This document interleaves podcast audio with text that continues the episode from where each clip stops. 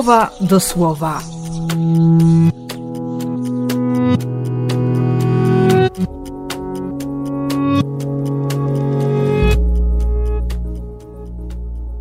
Trzynasty marca, poniedziałek.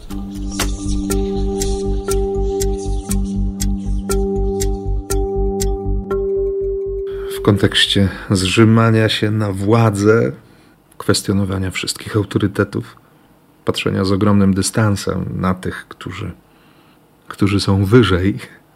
Historia, która nabiera tempa, czy właściwie zaczyna się od, od wyznania niewolnika, niewolnicy uprowadzonej z Izraela, która faktycznie chce dobra dla człowieka, który nawet nie zauważa jej istnienia. Ta sytuacja, ta historia zadaje mi bardzo konkretne pytanie o o modlitwę za tych, którzy sprawują władzę, o autentyczność modlitwy za tych, którzy sprawują władzę. Bo oczywiście jestem posłuszny Kościołowi i temu, co już w listach apostolskich można było przeczytać, żeby się modlić za sprawujących władzę, za panujących. I jedno z wezwań modlitwy powszechnej w czasie Eucharystii, dzień w dzień, jest, jest właśnie za nich. Ale to jest też pytanie o autentyczność serca oto pragnienie dobra, bo w dalszym ciągu tej historii też widać pragnienie dobra, dość specyficznie rozumiane, ale jednak pragnienie dobra, które jest w sercu Elizeusza. Ten jakby od niechcenia, z pogardą wręcz, wysyła przez swojego sługę, przez Gehaziego, polecenie. Idź nad Jordan, siedem razy zanurz się w tej wodzie i, i będziesz czysty. Myślę, że to dzisiejsze słowo jest dla mnie lekcją zaufania.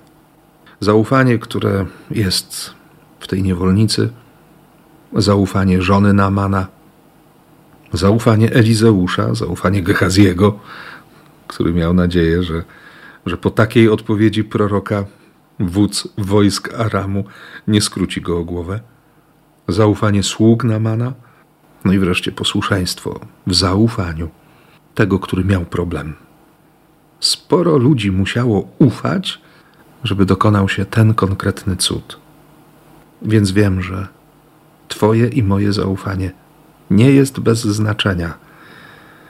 Nawet jeśli nam się wydaje, że nikt na to, czy ufamy, nie zwraca uwagi. Zresztą o to również chodziło Jezusowi, kiedy staje dzisiaj w Nazarecie i mówi o zaufaniu. Mówi o Bogu, który, który przychodzi i rozdaje łaskę tak jak chce, który dostrzega niezauważanych, który się nie ogranicza w dawaniu miłosierdzia. Zaufać Jego wyborom, Jego spojrzeniu, Jego planom, wierzyć, że On wie, co robi. To takie proste, nie? A przecież ludzie zebrani w synagodze w Nazarecie, wtedy w szabat, bardzo się zbulwersowali tym wszystkim, co usłyszeli. Głównie z powodu tego, co powiedział Jezus właśnie o poganach. On dopiero co wrócił do siebie po tym doświadczeniu otwarcia nieba nad Jordanem, tego zmagania się i dojrzewania w świadomości, że jest umiłowanym dzieckiem Ojca, jest umiłowanym synem, że Ojciec naprawdę ma względem niego ogromne plany wiąże z nim potężne nadzieje. On wraca do siebie i, i ludzie, których zna, zawrzeli strasznym gniewem, porwali się z miejsc, wywlekli go na skraj miasta, gdzie było urwisko, z którego planowali strącić go w przepaść. Jakie zaufanie! Dlatego proszę dzisiaj o, o tę łaskę wiary, o łaskę zaufania dla Ciebie i dla mnie i błogosławię jak tylko potrafię, w imię Ojca i Syna i Ducha Świętego.